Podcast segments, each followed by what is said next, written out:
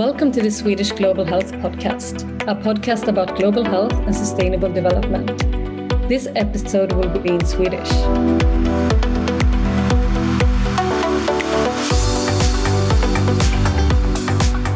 Denna podd är ett samarbete mellan Svenska Läkaresällskapets kommitté för global hälsa och Kandidat underläkarföreningen.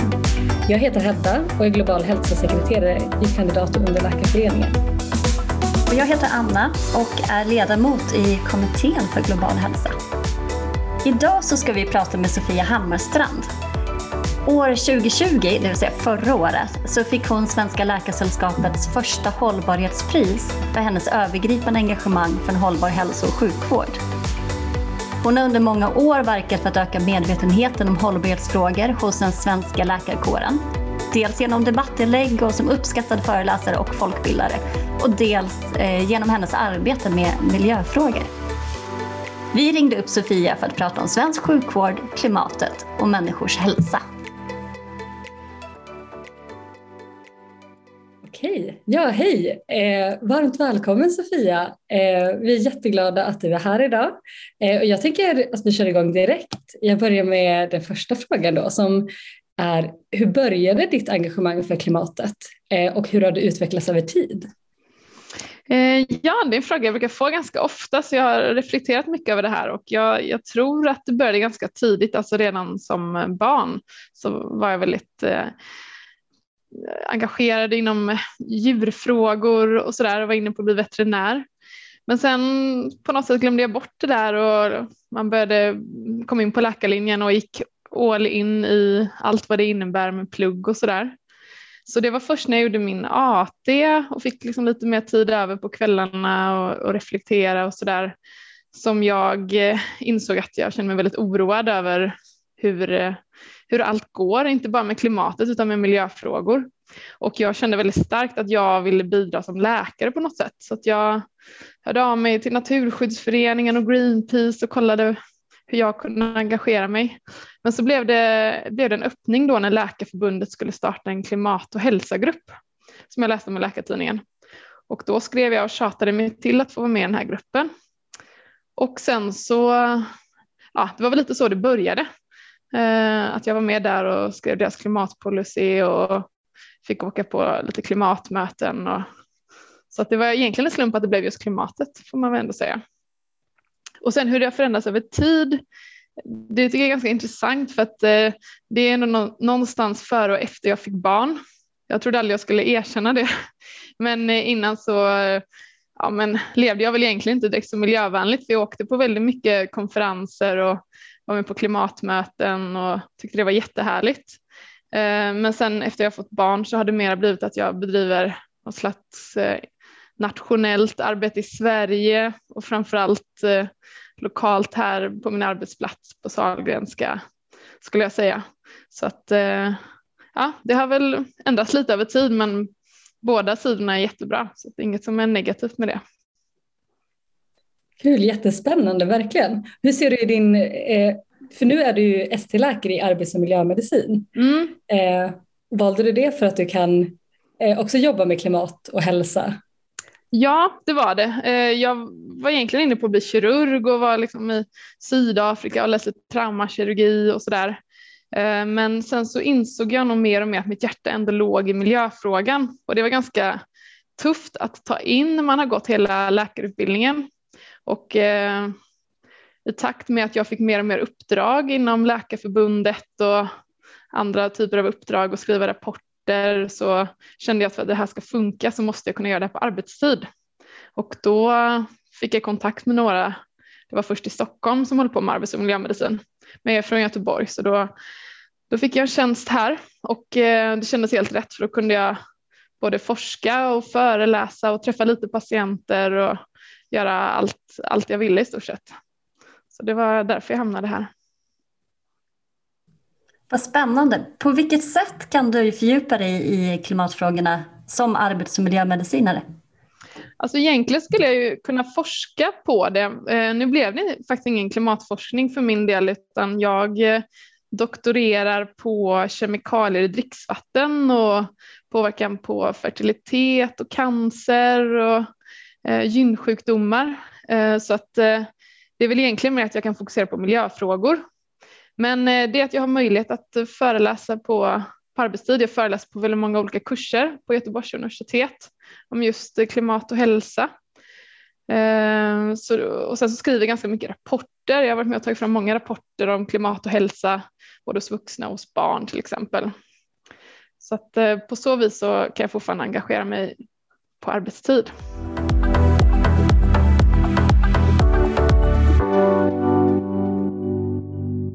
Det här med klimat och hälsa har ju blivit allt tydligare att det, att det hänger ihop. Om du skulle förklara hur klimatet påverkar människors hälsa, vad skulle du säga då? Ja, men det är ganska komplext för det påverkar vår hälsa på så många olika sätt. Men man brukar dela upp det i direkta effekter och det är sånt som man kanske märker av direkt, till exempel att det blir varmare.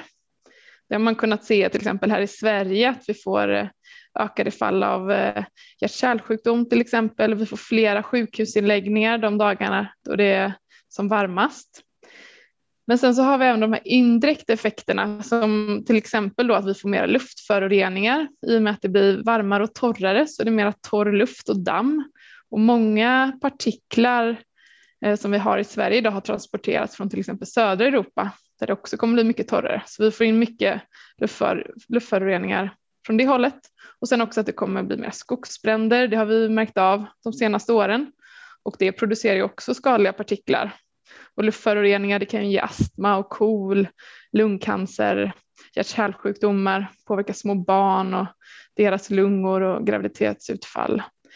Så det är en indirekt effekt och sen så är det ett jättestort område det här med infektionssjukdomar.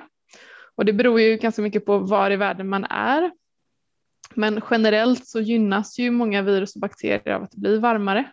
Och här i Sverige så bedömer man att eh, TBE, hjärnhinneinflammation och borrelia är de sjukdomar eh, som kommer bli vanligare, som vi redan ser blir vanligare idag. Och sen så har vi också något som kan verka lite milt, men det är det här med att vi kommer få längre pollensäsonger. Det har gjorts en del studier på det. Man ser att den, den är ungefär en månad längre just nu och det bekräftas också av studier som inte gjorts bara i Sverige utan även internationellt. Och eh, det är ganska många som lider av pollenallergi i Sverige och framförallt barn och ungdomar. Och det här kan bli ganska jobbigt för dem och påverka skolgång och sömn och liknande. Så det är också en hälsoeffekt. Eh, det finns många att ta upp. Man kan också diskutera, ni är intresserade av mat, det här med matproduktion och det finns en stor risk för undernutrition Eh, när maten inte kommer räcka till till alla. Det kanske inte kommer vara riktigt lika tydligt i Sverige, även om vi har märkt av i vissa perioder då det till exempel har varit eh, kallt eh, väder i Europa och skördar har påverkats att tomater eh, och rucola och vissa vissa livsmedel har blivit väldigt mycket dyrare eller att de inte finns att, ta, att köpa. Så att eh, till en viss grad kan även vi påverkas av det här med maten i Sverige. Sen så finns det också det här med klimatoro hos barn till exempel, att de oroar sig väldigt mycket för, för framtiden. Det är liksom en stor existentiell fråga för dem det här med klimatet. Och eh, det finns ju många psykologer som beskriver att många barn tar upp det här och även vuxna eh, kan drabbas av klimatångest. Så att eh, det är också en hälsoeffekt som vi ser här i Sverige. Tack så jättemycket, vad intressant. Ehm, jag funderar också på hur påverkas möjligheten att ge god vård i framtiden av dagens klimatkris?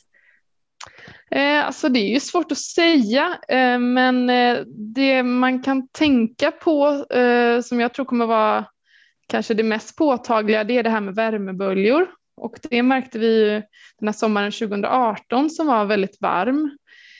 Det tyckte jag var ett ganska bra illustrativt exempel på hur det kan komma att se ut framöver.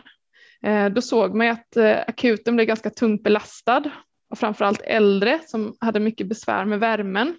Och det är ju en under ganska skör period för sjukvården då de flesta är på semestrar och liknande. Och eh, man såg då att dödligheten de här de varmaste veckorna var ganska hög på många håll. Och man såg också att eh, man inte kunde använda allt operationsmaterial på grund av att det var så hög luftfuktighet och det ledde till att många operationer ställdes in.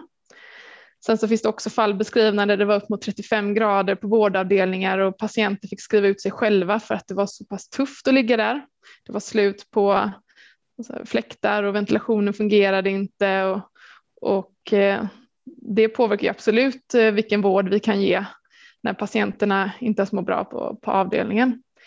Så att det tror jag är ett bra exempel. Sen har ju många forskare länge förespråkat risken för epidemier och pandemier eh, i och med att det kommer nya infektionssjukdomar.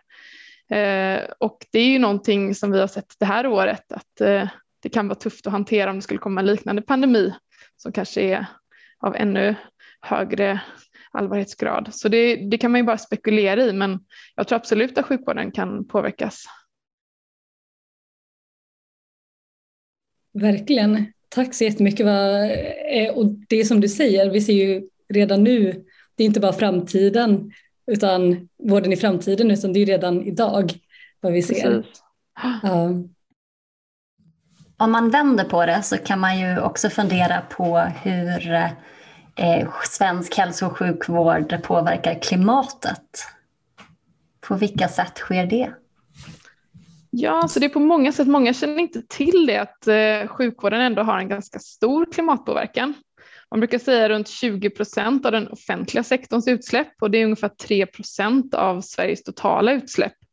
Och eh, okay, det är inte en majoritet men det är ändå en betydande del. Och eh, det finns mycket som kan göras för att minska den här eh, de här utsläppen. Det kommer dels då från uppvärmning såklart och från material som man köper in, från mat som slängs. En väldigt stor del kommer från engångsmaterial som vi använder. Men det man har kunnat se från eh, till exempel Storbritannien där de hade en stor kampanj om hållbar utveckling inom sjukvården där, eh, där målet var att inte bara förbättra den miljömässiga hållbarheten utan även ekonomin och det rent kliniska. Det man såg var att det finns väldigt stora möjligheter. De fick ner sina utsläpp med 20 procent samtidigt som de gjorde jättestora besparingar och den kliniska aktiviteten ökade. Så det finns eh, väldigt mycket man kan göra. Men eh, framför allt eh, det mest konkreta är kanske genom det här med materialanvändning och försök att inte använda så mycket engångsmaterial som vi gör idag. Om det var svar på din fråga. Det var det absolut. Jag sitter och funderar på, på vilken nivå förändringar måste ske. Är det, är det liksom på kliniknivå, är det på sjukhusnivå, är det högre upp? Alltså jag, jag har inte alla svar på detta men eh, jag tycker att det är bra att det får vara lite både bottom up och bottom down eh, får man väl säga. Men eh, det här exemplet från Storbritannien, då var det en, en enhet som tillsattes, en styrande enhet som såg till att göra det här möjligt. Och jag tror, eh, jag tror mycket på att man, skapar, att man måste skapa förutsättningar för förändringar. Och då är det ju på en högre nivå, sjukhusledningsnivå till exempel, eller regionsnivå. Men sen tror jag också att det är viktigt att eh, Alltså det är mycket som kommer underifrån också. Det finns många bra exempel på Eh, läkare till exempel som har drivit igenom stora projekt och jag tror inte det hade gått att uppfinna på något sätt eh, på en högre nivå utan det krävs att man är ute i kliniken och ser hur saker och ting fungerar och vad som är fel för att det ska vara möjligt.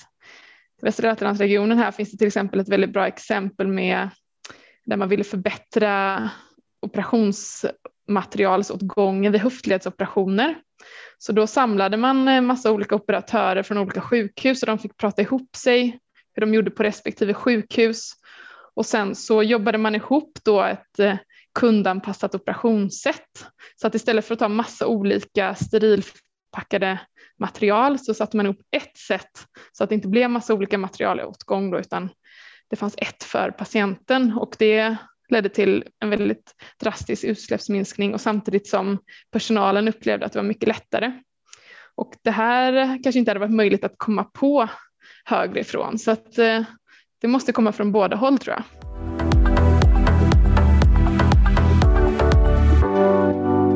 Det där är ju superspännande och jag tycker när man är ute och jobbar på klinik, jag jobbar som AT-läkare, eh, så är ju det en av de sakerna som som slår i alla fall mig hur otroligt mycket engångsmaterial vi använder, både på akuten och i operationssalar etc.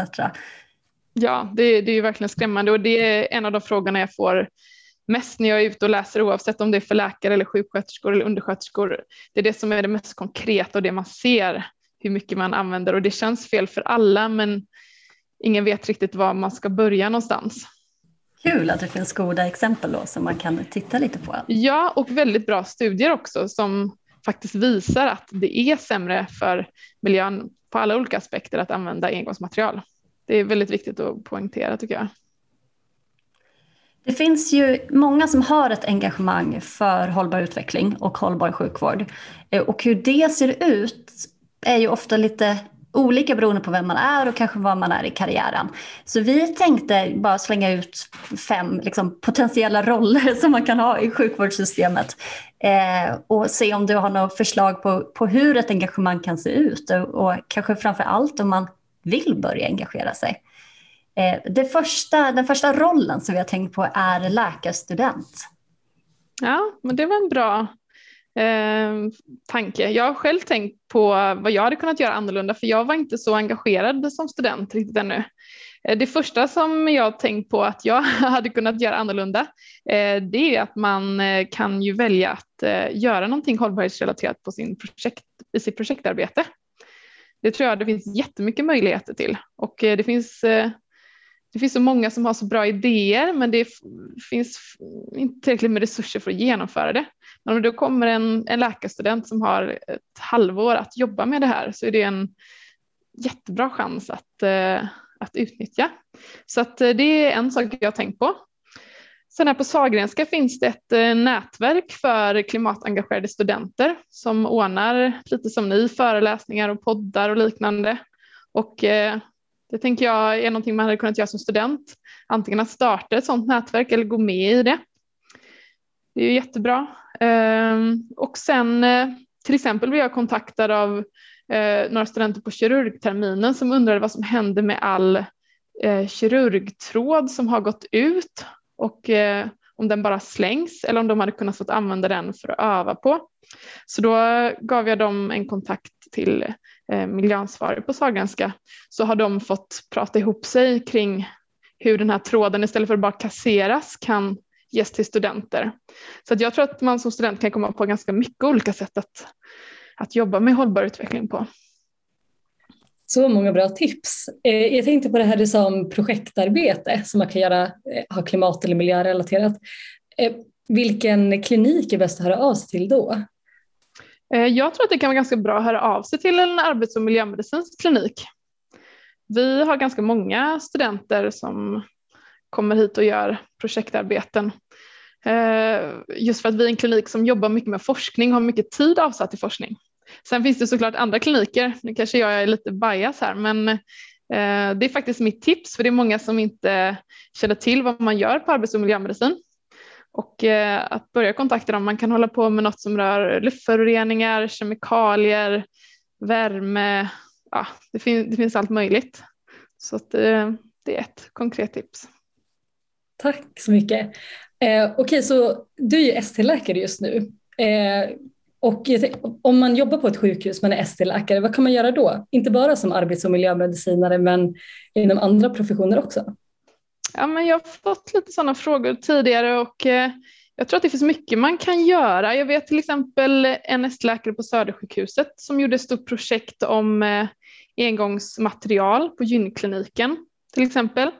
Och eh, jag tror att hon gjorde någon slags livscykelanalys för att försöka se och kartlägga då hur pass mer effektivt det är att använda sig av eh, flergångsmaterial. Så det är någonting man kan börja göra och se över vad som finns att göra på sin klinik. Eh, sen kan man alltid kolla på en kliniks klimatpåverkan, till exempel hur kan den förbättras? Mitt projekt som jag håller på med just nu det är att utvärdera digitala vårdmöten, hur det har funkat under det här pandemiåret och försöka få en uppfattning av det är med enkäter då, så jag har frågat patienter hur långt ifrån sjukhuset de bor och hur de hade transporterat sig hit. Och sen är min tanke att försöka få en uppfattning om eh, om vi har gjort någon miljömässig eller klimatmässig, eh, om det är någon fördel med att ha digitala vårdmöten eller inte gentemot den energin då som det krävs att ha det här videosamtalet och så. Så att eh, det är några exempel på SD-arbeten som man kan göra. Om man är ST-läkare i allmänmedicin och inte placerad på ett sjukhus, skiljer det sig? Nej, jag tänker att det är ungefär likadant. Där, där tänker jag att man hade kanske kunnat jobba mer med läkemedel på något sätt. Eh, där har man ganska många sjukdomar som kanske är standard som kommer, försöka få någon uppfattning om eh, eh, hur förskrivningen ser ut kanske. Eh, med just miljö och klimatpåverkan kan det ändras.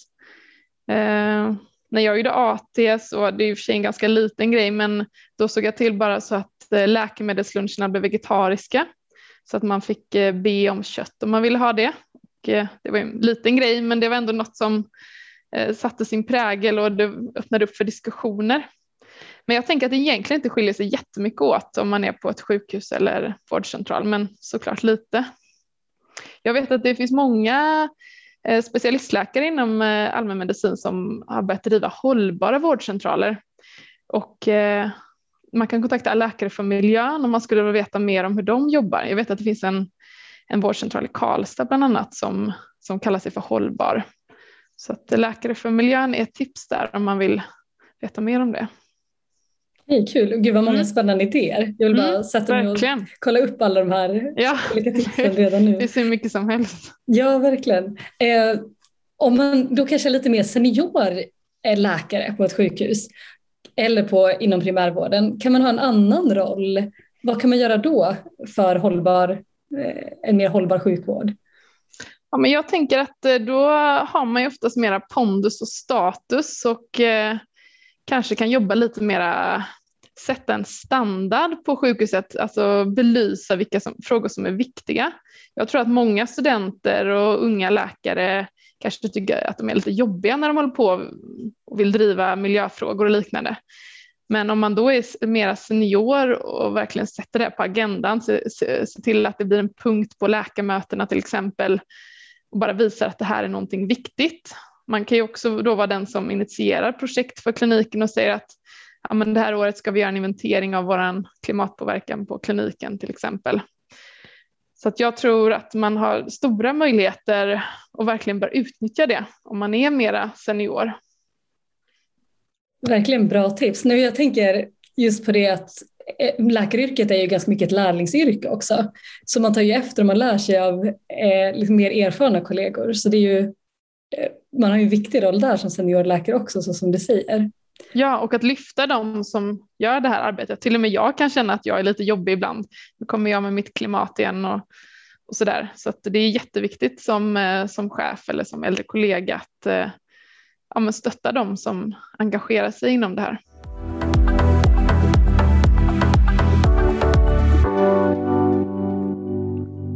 Tack så jättemycket för dina svar på de här frågorna, hur man kan engagera sig på, i olika roller. Eh, vi har nu fem snabba frågor som är lite mer allmänna om dig. Eh, min första fråga är, vad var din favoritkurs när du gick läkarprogrammet? Ja, jag var ju tvungen att tänka till det lite, men jag tror ändå att det var kirurgterminen. Som jag nämnde så eh, vill jag ju bli kirurg, så jag tyckte det var jättehäftigt och spännande och framförallt när man var på Karolinska och fick se traumafall och liknande. Så att, eh, det var nog den bästa kursen. Var gjorde du AT någonstans? Jag gjorde AT på eh, Karolinska på KS innan det blev NKS. Senaste boken du läste? Ja, jag läste precis ut en bok i helgen. Eh, Konsten att höra hjärtslag. Jag var tvungen att skriva ner vad han heter. Jan Philip Senker. Vilket är ditt finaste minne från ditt arbete för klimatet? Ja, men jag tror faktiskt att det var, och det här är inte så bra ur eh, klimatsynpunkt egentligen, men det var när jag var på mitt första sånt här COP-möte, alltså FNs klimatmöte i Marrakesh.